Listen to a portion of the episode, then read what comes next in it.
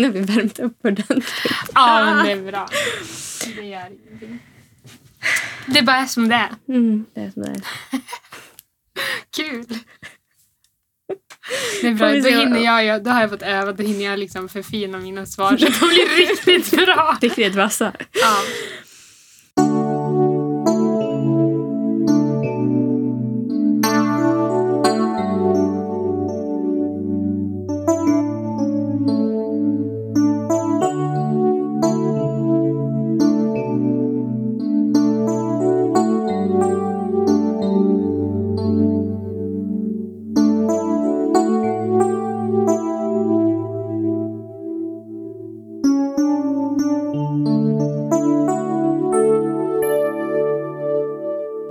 Jesus, helt enkelt. Hej och välkomna att lyssna till det tredje avsnittet av Jesus helt enkelt. Sanna heter jag och hade en härlig gäst att intervjua den här gången. Men det blev inte riktigt som jag hade tänkt mig. Som ni hörde i inledningen värmde vi upp med några frågor på grund av en teknisk miss av mig. Jag tryckte visst på play, inte på rec. Så de första frågorna är tyvärr inte lika spontana som de var tänkt att vara. Men det blev bra ändå, tycker jag. Vi får väl se vad ni tycker. Hej Elina, välkommen hit. Tack. Ehm, roligt att ha dig här. Du kan få berätta lite om dig själv. Ja. Jag heter Elina. Eh, jag är gift med André och vi bor här i Övik men jag kommer egentligen från Rusksele inne i, i Västerbotten. Så jag är inte härifrån. Eh, jag pluggar på Akademi för ledarskap och teologi. Som, så jag är i Umeå två dagar i veckan. Så jag är lite hemma och pluggar och så är jag på Pingstkyrkan här i stan och har praktik där. Ja, Mm. vad vill man veta? Det är väl ungefär det kanske. Ja, Hur länge har du känt Jesus? det har jag gjort hela mitt liv. Det är... Jag har liksom inget sånt där tillfälle så här, som man brukar säga frälsningsupplevelse eller ett tillfälle där jag kommer ihåg att jag verkligen så här, nu är det du och jag Gud. Utan det har bara varit så självklart för mig alltid. Mm. utan början. Det finns liksom ingen början på det utan jag tror att början det börjar väl när jag föddes ungefär. Ja. Min familj är ju kristen och har eh, ja, men det har alltid varit en naturlig del av, av vårt familjeliv men ja, väldigt naturligt för mig själv som individ också även fast jag var liten. Mm. Vem är Jesus för dig?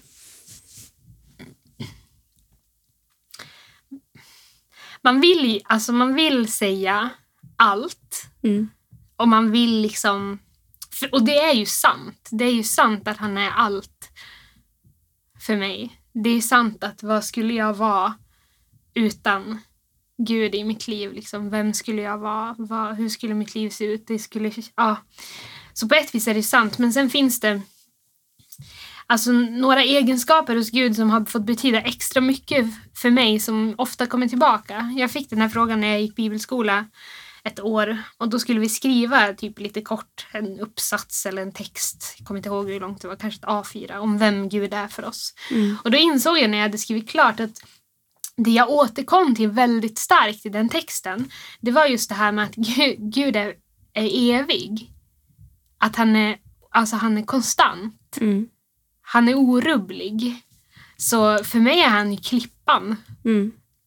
om man kan använda den bilden. Liksom, att det, det som är stabilt. Det, enda jag, det, det finns ju bara en sak i mitt liv som jag vet alltid kommer att finnas där. Ja. Och det är Gud. Mm. Och jag som har varit och är ganska orolig som person. Kanske mer när jag var yngre. Och kan liksom tänka på och vara rädd för ja, men vad, hände om, vad skulle hända om André, min man, dog. Eller vad skulle hända om, om mina föräldrar dog. Eller om det här skulle hända. Liksom. Och det är saker som man vet, det är inte omöjligt. Nej. Det är inte omöjligt att jag skulle bli sjuk. Eller liksom, vad skulle hända om livet förändrades så superdrastiskt? Nej, jag vet inte. Liksom. Jag kan vara alltså, oroa mig för sånt ibland och tänka på sånt. Så, Och då Mm. vet jag att det finns bara en sak som jag aldrig behöver oroa mig för. Ja. Det är att Gud skulle försvinna. Liksom. Mm. Att han skulle bli någon annan. För Det är det enda som är konstant. Ja. Han är den han är. Mm. Han bara finns där alltid.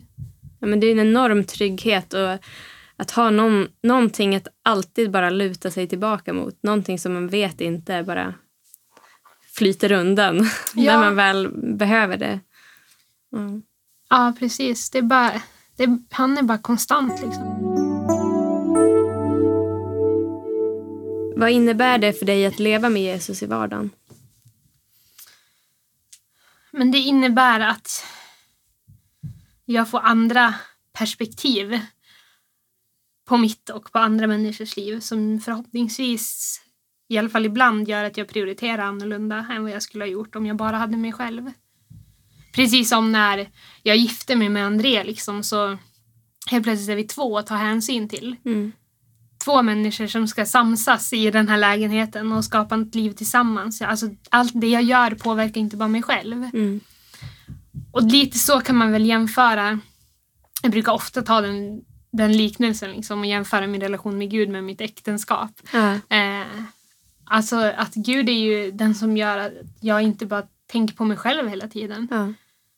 Jag har hans perspektiv, alltså hans ögon på världen, hans ögon på mig. Alltså, hela tiden den där andra, det här andra större perspektivet med mig Mm. i min vardag.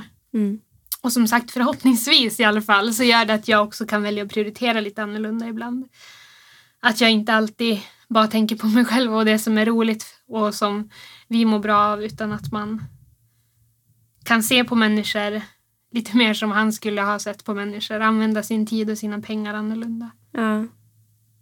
Nu, du väntar ju barn Ja. och jag tänker ofta på det just att ja, men när jag fick barn själv, jag har ju också ja, men, haft den typen av relation till Gud att, ja, men, att jag relaterar ja, men, allt som egentligen jag vill göra. Så, ja, men, är det bara jag som vill det här eller Gud, vill du att jag ska göra det här? Mm. Eller, ja, både hur man spenderar sin tid och vart man lägger sina pengar och så vidare. Men på något sätt har man, sen man fick barn har det blivit ännu mer tydligt att bara, ja men okej, mitt liv är liksom underprioriterat. Ja, det och det. Nej, men det, det handlar inte bara om mig. Och det är en jättestor välsignelse, Mm. tycker jag, att det har varit att, jag menar, ja, jag kan inte bara göra som jag vill. Jag kan Nej. inte bara... Och visst, det var väl så också när jag gifte mig med, med min man Anton. Då, men på något sätt, barnen de klarar ju sig inte ens själva. Nej, precis. Det blir ännu tydligare. Ja. Jag, jag, måste, jag måste prioritera bort det här för de måste få mat och de måste få sömn och de måste få eh, närhet. Och, ja. Och vi lever ju liksom i ett samhälle där det här är så främmande. Mm. Alltså där det här inte är okej. Ja. Det, det får inte finnas. Alltså, utan det, det är liksom bra att tänka att man är sig själv nog. Ja. Visst att vi vill ha barn och så men vi ska ju förstå att vi är ju inte bara en mamma. Liksom. Jag är ju massa andra saker också. Alltså det, det, det finns något fult i att, att leva för andra. Ja.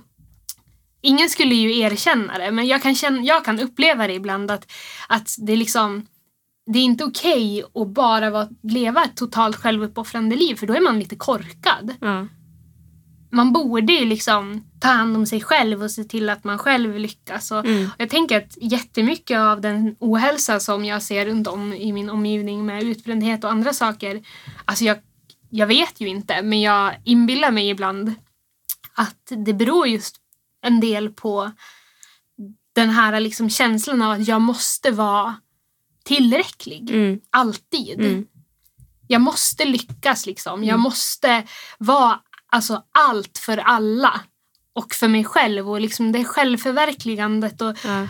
och det bär ju människor och det bär ju jag också. Mm. Men skillnaden är att jag vet att när jag misslyckas, alltså när det händer, för det handlar ju inte om om vi Nej. kommer att köra ihop det liksom, utan det handlar ju om när det kör ihop sig så, så vet ju jag att då, då står jag inte där och bär det misslyckandet i mina egna händer. Utan då är det något som Jesus har ta, som han får ta. Mm. Inte, och det är ju så här, mm, ja, man kanske, det låter som att man får komma undan. Och det är ju så. Vi får ju komma undan. Alltså det, Jesus dog för oss, Ja. för, fast han inte förtjänade. Mm. Han tog våran skuld på Mm. sig för att, fast han inte förtjänade. Vi, får, Mm. vi, får, vi fick slippa liksom. Mm. Jag får slippa bära mina bördor själv. Mm. Det är ju asskönt. Ja. Visst, jag kan inte, det gör att jag inte bara kan tänka på mig själv. Mm. Men alltså det här är liksom... Det är lite som om man blir vuxen. Nu pratar jag jättelänge om det här, men det är lite som när man blir vuxen. Man tror att det kommer bli så roligt att bli vuxen för då kommer man kunna göra vad man vill. Så Mm. inser man att men det kommer inte bara frihet med det här utan massa ansvar. ja, eller hur? Och här liksom så får man bli lite mera barn igen. Mm. Visst, det är lite mindre frihet. Jag kan inte bara gå- utgå från mig själv eller det jag vill. Mm. Men jag behöver inte heller ta lika mycket ansvar. Nej. Jätteskönt. Kan rekommendera den livsstilen. Ja, precis. Ja, men och då känner man sig nog mer fri, tänker jag. Ja, verkligen. När man slipper ansvaret, för det är ju det som är det jobbiga. Sen, ja, att man inte bara helt utgår från sina egna behov och sina Ja. egna ja, tankar och... Alltså jag fick, eh, alltså jag, en gång så när jag pratade om det här i ett annat sammanhang så bara dök det upp en bild i mitt huvud och det är svårt att beskriva en bild i en podd när folk, ni ska lyssna. Eh, Men jag tänker ändå så här, ja, någon kanske förstår. Men alltså jag ser framför mig hur många människor i den här världen lever liksom, om vi ser två streckgubbar i en låda. Mm. Eller man, en, en streckgubbe i en låda och en i en egen låda. Och liksom i mitt liv så vet jag att men här är kanterna på lådan. Jag kan röra mig fritt där. Mm.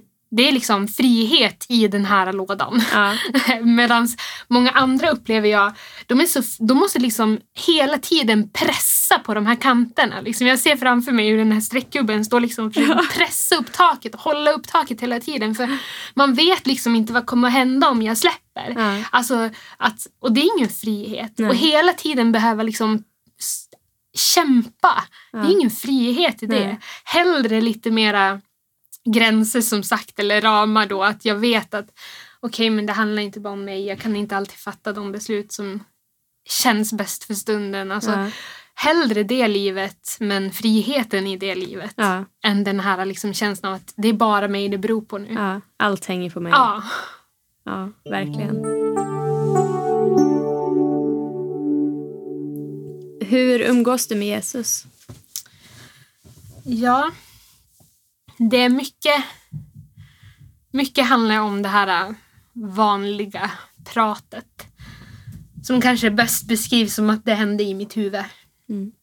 I mina tankar. När jag bara småpratar med Gud hela tiden. Eh, under, under dagen. Bara liksom helt av sig själv. Det är ingenting jag tänker på att jag gör. Nej. Men det är också så har jag märkt att jag verkligen behöver de här stunderna som är jag och Gud utan distraktion. Alltså när jag inte gör andra saker utan när det mer får vara fokuserat jag och honom. Mm. Och så vet jag att jag lätt faller in i att, att det blir liksom prestation eller något som ska göras. Mm. Så jag har varit ganska tillåtande med mig själv och, och låta mig själv liksom ha... Men det kan, bli ganska, det kan upplevas ganska tjatigt, liksom, min och Guds relation i vardagen. För att jag kan läsa samma, samma bibelkapitel. Just nu är jag, läser jag samma psalm. Jag har gjort det i en, två månader kanske. Ja. Eh, För att jag behöver det. För att jag behöver höra den, de sakerna. För att Gud behöver säga saker till mig i den texten. Och att jag liksom... Jag har en bibelläsningsplan också men den är utan datum. Jag har gjort den själv. Det är bara för att jag ska kunna hålla reda på liksom, ja men här är jag ungefär om jag Ungefär vill. vad du har läst. Ja, vad jag har läst och Mm. inte. Men, men jag blir så, om jag har datum, typ en andaktsbok eller bibelläsningsplan, då fastnar jag verkligen i att om jag inte har läst den dagen så måste jag, då är jag efter. Jag måste hinna ikapp. Och det, Mm. det finns ingen vila i det. Nej. Så just nu så är det väl mycket att jag läser ganska mycket samma. Samma ställe, samma bibelställe. Faller tillbaka till min bibelläsningsplan ibland Mm. när jag vill läsa något annat eller mer. Eh, I andra perioder så är jag jättemycket i bibelläsningsplanen och verkligen tycker att det är kul att komma framåt och liksom få sammanhangen. Och, Ja. Så. Och sen, sen tror jag att men jag har svårt att koncentrera mig i bön. Det tror jag många har. Ja. Eh, det, det gör liksom, ibland behöver jag verkligen gå undan och gå ner på knä för att av någon anledning så ber jag bättre på knä Ja. i ett, stäng, i ett rum liksom med en stängd dörr och bara verkligen be. Mm. Eh, men eh, oftast så ber jag vid pianot. Mm. Alltså där det finns utrymme både för att jag kan, ja men jag får göra någonting. Jag tror att det är lite det. Mm. Alltså att jag spelar samtidigt och då, då tänker jag på att jag spelar och inte på tusen andra saker. Och så Ja. ska jag, om jag vill, formulera min egen bön. Men jag kan också bara få vila i någonting som någon annan redan har skrivit. Mm. Ja, och det, det tänker jag att... Ja, jag vet inte om det finns såna tankar, men att, ja, men att det ska finnas någon slags mall. Att ja, men du ska ju bara kunna sitta rakt upp och ner på en stol och be. Ja. Men, men jag tror inte det finns så många... Ja, kanske i vissa perioder att man får den vilan och den ron och, och ändå kan behålla fokus och, och, och be på det sättet. Men det kan nog vara en fördel att hitta... Ja, men för dig funkar det att sitta och spela piano och sjunga utböner. ja. Eh, För någon annan kanske det är bra att ta promenader och Precis. Mm. liksom samtala med Gud under tiden. Eh, Jag vet inte, det finns säkert jättemånga olika. Ja, alltså jag tänker att det viktigaste är att man gör det. Mm. Att det, finns, det, det är det viktigaste för mig, är att det finns en regelbundenhet. Ja. Och att jag gör någonting mer än småpratet faktiskt. Ja. Jag behöver något mer än så, något matigare. Liksom, något, att vi faktiskt bara får sitta ner, jag och Gud, en stund. Mm. Eh, Men sen är det främst regelbundenheten som är det viktiga och inte hur länge eller på vilket sätt eller hur mycket. Men sen tänker jag i våran kultur så finns det ju, alltså det ligger ju inte för oss. Och precis som du säger, jag tror att det är väldigt få, i alla fall i den här kulturen, Mm. där det ligger för oss att sätta oss ner och göra ingenting. Mm. Jag har skitsvårt för det. Och därför blir det väldigt svårt att sitta på en stol rakt upp och ner och be. Vissa andra människor, alltså i många andra kulturer kan jag tänka mig att det kanske är enklare. Det kan vara mer tillåtet. Jag, det här vet jag inte, det här Nej. sitter jag och hittar på. Eller jag tror att det är så här. Att det kan vara olika på ja, olika det kan vara olika. Men jag tänker att just för vår, i vår kultur som är så otroligt inställd på att producera Ja. så, Ja, är det, så har vi supersvårt för sitta stilla. Mm. Och då kan det hjälpa oss att göra någonting. Och allt som funkar är bra. Ja. tycker jag. Man behöver inte vara så kräsen om man hittar något som funkar. ja, precis. Och jag tänkte på det här just som du sa att ja, men regelbundenheten är det absolut viktigaste. Men att ibland kanske man behöver de här mer djupare samtalen. Ja. Eller där man, och det är ju precis som i ja, men, en nära relation till en annan person. Om jag relaterar till min, min relation till Anton.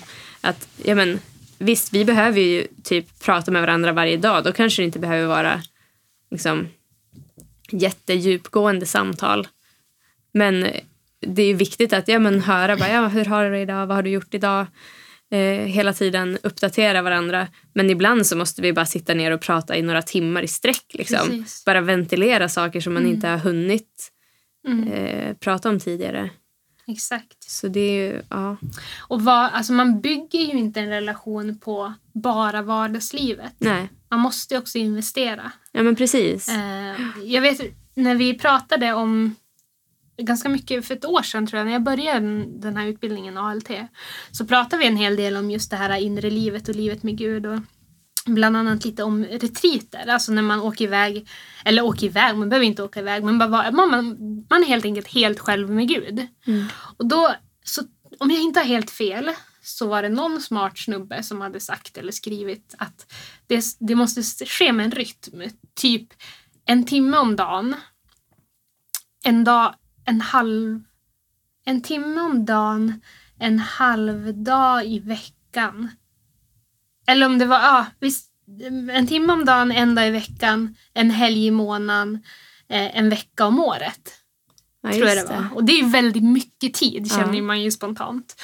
Eh, så det får man kanske inte till. Men eh, jag tror att, att hemligheten i det är just det där att det, är- det, är något att det är väldigt tydligt att det räcker inte att bara bygga sin relation med Gud eller med någon annan på att man ses liksom och stöter på varandra på stan och säger hej hur är läget liksom. Nej. Utan vill man ha mer då måste man också planera Mm. för regelbundenhet. Ja, Liksom lägga precis. upp det för det som jag och Andrea. Att när, när, om en på fredag kväll, Mm. då, då gör vi någonting. Ja. Man kan inte bara gå och vänta på att det ska hända av sig själv. Nej. Precis, för det kanske många tänker så här, bara, ja men man kan ju inte hålla på att strukturera upp livet med Gud, att det ska bli så jättefyrkantigt och tråkigt och bara, ja men man gör väl lite som man känner. Ja. Men vilken relation blir bra om man gör så Nej. jämt liksom?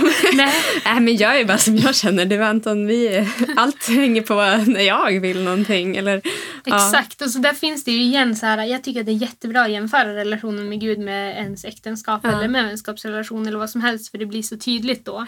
Alltså att vi behöver prata och vi behöver bestämma tillsammans. Ja. Jag behöver prata med André och säga André, nu, nu behöver jag att vi ses mer eller han, nu behöver jag att vi avsätter en helg eller en dag eller en kväll eller liksom nu behöver vi mer tid. Ja. Och jag, om jag skulle ge André lika mycket tid som jag ger Gud, då skulle ju min och Andrés relation kanske inte vara så fantastisk. Tyvärr. Mm. Alltså i verkligheten så är ju inte Gud den person som jag ger mest tid åt. Nej. Tyvärr. Och det, ja, det kanske inte måste vara så att han... Alltså man kanske inte måste liksom som sagt ha en dag i veckan eller en timme om dagen. Men, men det finns någon, någonting otroligt värdefullt i regelbundenheten och den här... Ja, att, alltså, att man förstår att det här är viktigt. Ja. Eh, ja, det är väl det vi har varit inne på nu. Jag tänkte fråga vad som är viktigt för att håll- hålla relationen vid liv. Ja, ja men det skulle det. jag vilja säga. Regelbundenhet. Mm. Och, och nu risk för att varning för pingstighet höll jag på att säga. jag kommer ju från det samfundet pingst. Där man pratar mycket om helig ande och det gör man i många andra samfund också. Men, men alltså det är ju det som gör att det blir liv. Mm. Alltså man inte, att det inte bara liksom upplevs som att men, nu måste jag göra det här utan att det faktiskt får bli en levande relation med Gud. Att jag har den heliga ande och regelbundenheten liksom får samsas. Mm. Så att det blir levande. Mm. Ja. Har du något som du vill dela från ditt liv som Jesus har gjort? Eh, det kan vara bara någon vardaglig grej eller någon konkret. Ja, något konkret som du kan säga om det här har han gjort i mitt liv. Alltså tänker du liksom att ja, men du tänker på en händelse eller någonting? Eller för... Alltså, Ja, kan, alltså vi det- sma... kan vi hjälpas åt att smalna av frågan Smalna av frågan så du kan välja något. Ja, men, Ja, men- lite. Eh, något så här konkret vittnesbörd att du upplevde antingen som ett bönesvar eller bara att du upplevde Gud väldigt konkret Mm, I någon specifik, i någon specifik situation. ja. Jag upplever ofta Gud väldigt konkret. Ja. Eh, och jag upplever inte kanske lika ofta så här otroligt omvälvande händelser. Nej. Någonting som har varit väldigt konkret för mig det är ju liksom processen för, till, till att börja välja att plugga teologi. Mm. Att tänka att jag kanske ska vara en pastor Mm. och jobba i församling. Mm. Där det är någon, liksom har varit väldigt, där har jag upplevt Gud väldigt tydligt. Mm. Eh, fast under lång tid. Det, så jag vet inte om det är liksom de, det som är de spännande händelserna att Mm. höra. Alltså man vill höra något som är, och då hände det här och vi krockade med bilen och så sen så bara wow och allt var så häftigt. Och, Ja, men det kan ju väl vara härligt också att höra just alltså, som en sån grej. Ja, att, men- att Gud bara kan leda en, att man, att man känner sig säker i, ja, ja, men för där, i beslut i livet. Alltså det, det, där, det är ju någonting som har fått växa fram men det jag så här i efterhand kan säga att det är någonting som Gud har talat till mig väldigt tydligt om Mm. väldigt länge. Ja. Men som jag inte har förstått. Nej. Och som jag, när jag väl kanske insåg att ja, men jag kommer nog inte hitta något annat som, som jag vill göra. Mm. Alltså inget annat. Ja, men jag, jag kom inte på något annat. Liksom. Det, en, den, det här kändes som den enda vägen att, att, söka ALT. Liksom. Mm. Så var den insikten att, ja, men, att det är så här.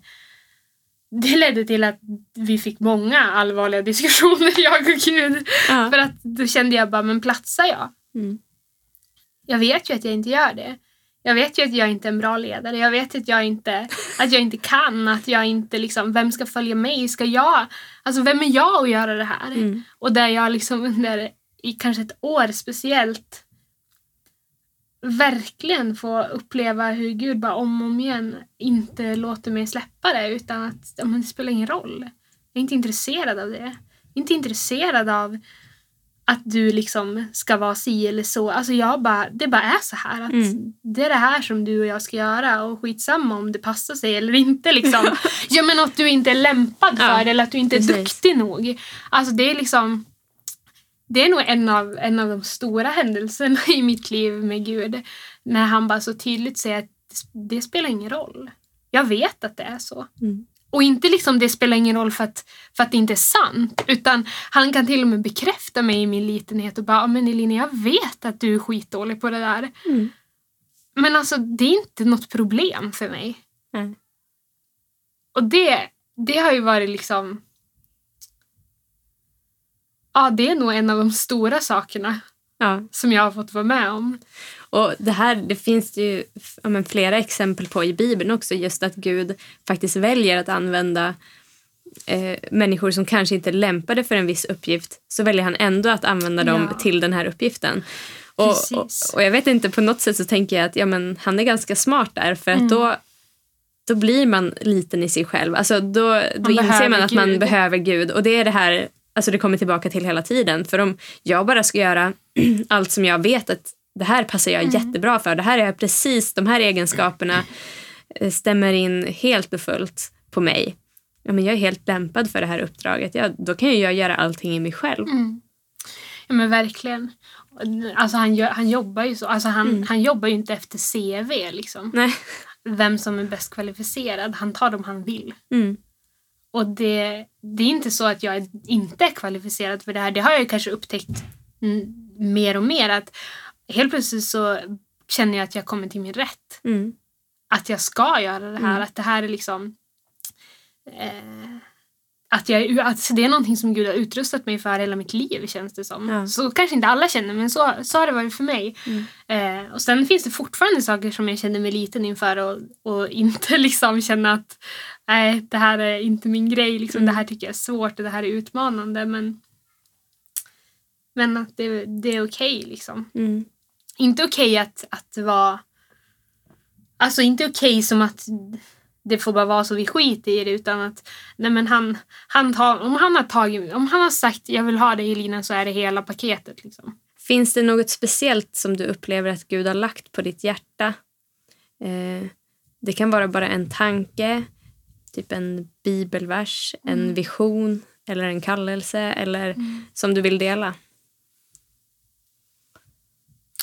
Men det är ju det liksom att det finns ju de här, det här stora att Jesus har gjort allt och att när han säger jag vill vara med dig så menar han med hela mig. Inte som att han säger att allt jag gör är bra eller att allting, att jag är perfekt utan bara att det är okej. Mm. Det här är verkligheten och det är okej, jag vet det liksom. Och att han att han bara säger att det får vara så. Och sen Sen kommer ju de här personliga sakerna, alltså det jag tänker, om jag tänker kallelse och vision så, så har Gud verkligen lagt Norrland på mitt hjärta. Mm. Och församling på mitt hjärta. Det är någonting som jag får upptäcka mer och mer. Jag vet inte hur det, hur det kommer se ut men det är någonting liksom med församlingar i Norrland som bara rör mig så att det gör så ont när det inte fungerar som det ska. Mm. Och det finns en sån glädje när det gör det. Mm. Eh, Så jag tror att det är det jag utrustas för på något vis. Mm. Och det är det som han vill med mig, Mm. bland annat. Mm. Förutom att han bara vill vara med mig. Mm. För det är det största av allt, att han bara vill vara med mig. Och sen om han vill använda mig, då är det nummer två. Och jag tror, men det jag tror att jag kommer få vara med och bli använd till är just kanske församlingar i Norrland på något sätt. Mm. Men så vet jag inte. Nej. Jag tycker bara det är kul att höra. För jag tänker att Gud han lägger ju som... Alltså han är ju så personlig så han Ja. lägger ju eh, olika tankar och olika delar av liksom hela hans plan Mm. lägger han ju hos olika människor. Så det är kul att höra olika människors liksom, ja, tankar och eh, idéer från, Mm. som de bär på från Gud. Verkligen. Vad är det bästa med Jesus? Det kanske vi också var inne på där redan från början. Men det är att han säger att jag vill vara med dig. Mm. Det är att han vill ha vara med oss. Alltså det, det, det, det tycker jag är liksom den största styrkan i evangeliet. Alltså budskapet om Jesus är den, den största styrkan är att det är ingenting som gör skillnad på människor. Det är ingenting som säger att du behöver vara på ett visst sätt, du behöver ha kommit visst långt, du behöver göra vissa saker utan det liksom bara finns just nu för alla. Mm. Precis i det skick man är Mm. så får man bara komma. Mm. Det tycker jag är det mest fantastiska av allt. Att han liksom bara ser alla och bara längtar efter, längtar efter att bara vara med mig. Längtar efter att vara med dig, längtar efter att få vara med, bara leva tillsammans med oss. Ja. Han förväntar sig ingenting. Han bara står där och, och vill vara med oss. Ja, precis. Och just det där att det är så... Att det är så här och nu. Mm. Att det inte är ja, sen när du, när du har lagt av med det här eller när du har blivit så eller när du... Utan det är bara så här och nu. Mm. Mm. Ja, Mm. det är häftigt.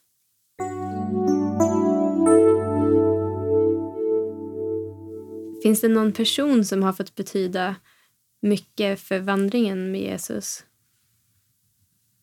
Det finns många personer, Mm. eh, verkligen många människor tillsammans som Gud har fått använda som ja, inte vet om, de känner inte varann, de flesta av dem eller så. Men, men den tydligaste det är nog ändå min pappa. Mm. Eh, för att det, det har varit så självklart liksom för honom. Han har varit den som har sagt om och om igen bara, det var inte så kul när man var tonåring alltid, men sök först Guds rike Mm. ska du få allt det andra också. Liksom. Eller man kom, man har, jag har alltid kunnat fråga pappa. Alltså, om jag har läst Bibeln och inte fattat något så har jag alltid kunnat fråga. Ibland har jag fått ett svar och ofta har jag fått en hög böcker som jag aldrig har läst.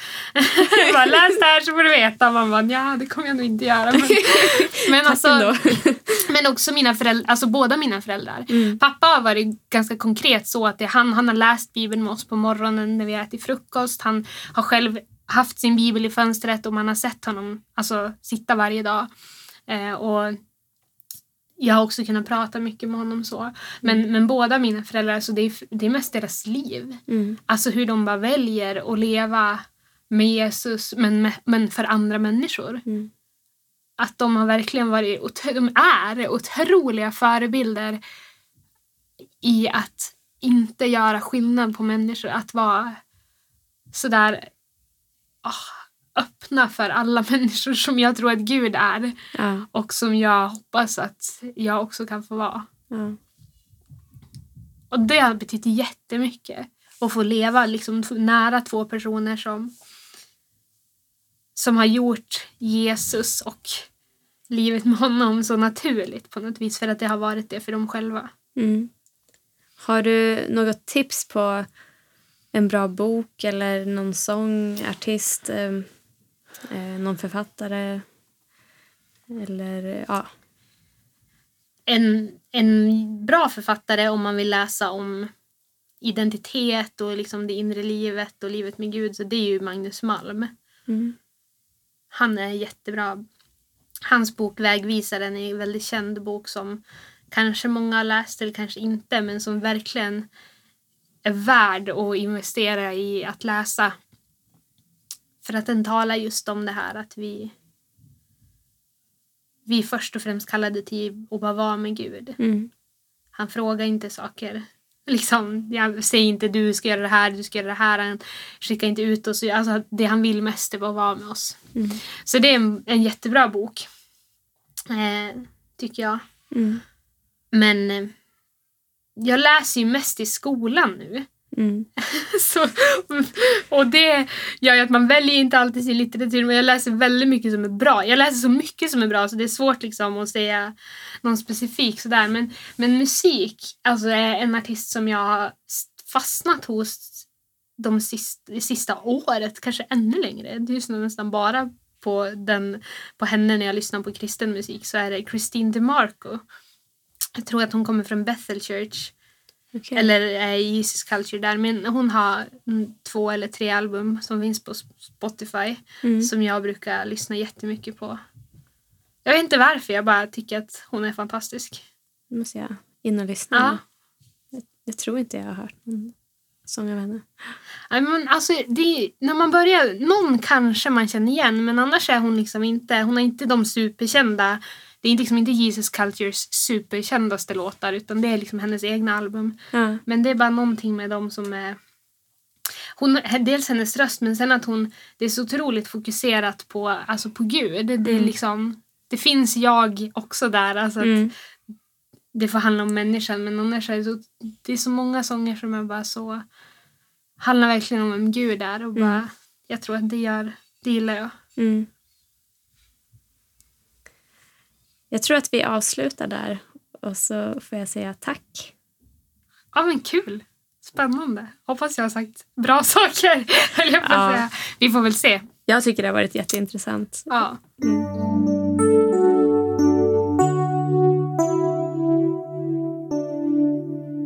Avslutningsvis vill jag dela med mig av några verser från Bibeln som jag kom att tänka på efter dagens samtal. Första Korinthierbrevet 1, vers 26 till och med 31. Bröder, se på er egen kallelse. Inte många av er var visa om man ser till det yttre. Inte många var mäktiga. Inte många av förnäm släkt. Nej, det som för världen var dåraktigt har Gud utvalt för att låta de visa stå där med skam. Och det som för världen var svagt har Gud utvalt för att låta det starka stå där med skam. Och det som för världen var oansenligt och föraktat, ja, det som inte var till, har Gud utvalt för att göra till intet det som var till. För att ingen människa ska berömma sig inför Gud. Honom har ni att tacka för att ni är i Kristus Jesus, som Gud för oss har gjort till vishet, rättfärdighet, helgelse och återlösning, för att det ska ske som det står skrivet. Den som berömmer sig ska berömma sig av Herren. Producerad av AN Ton.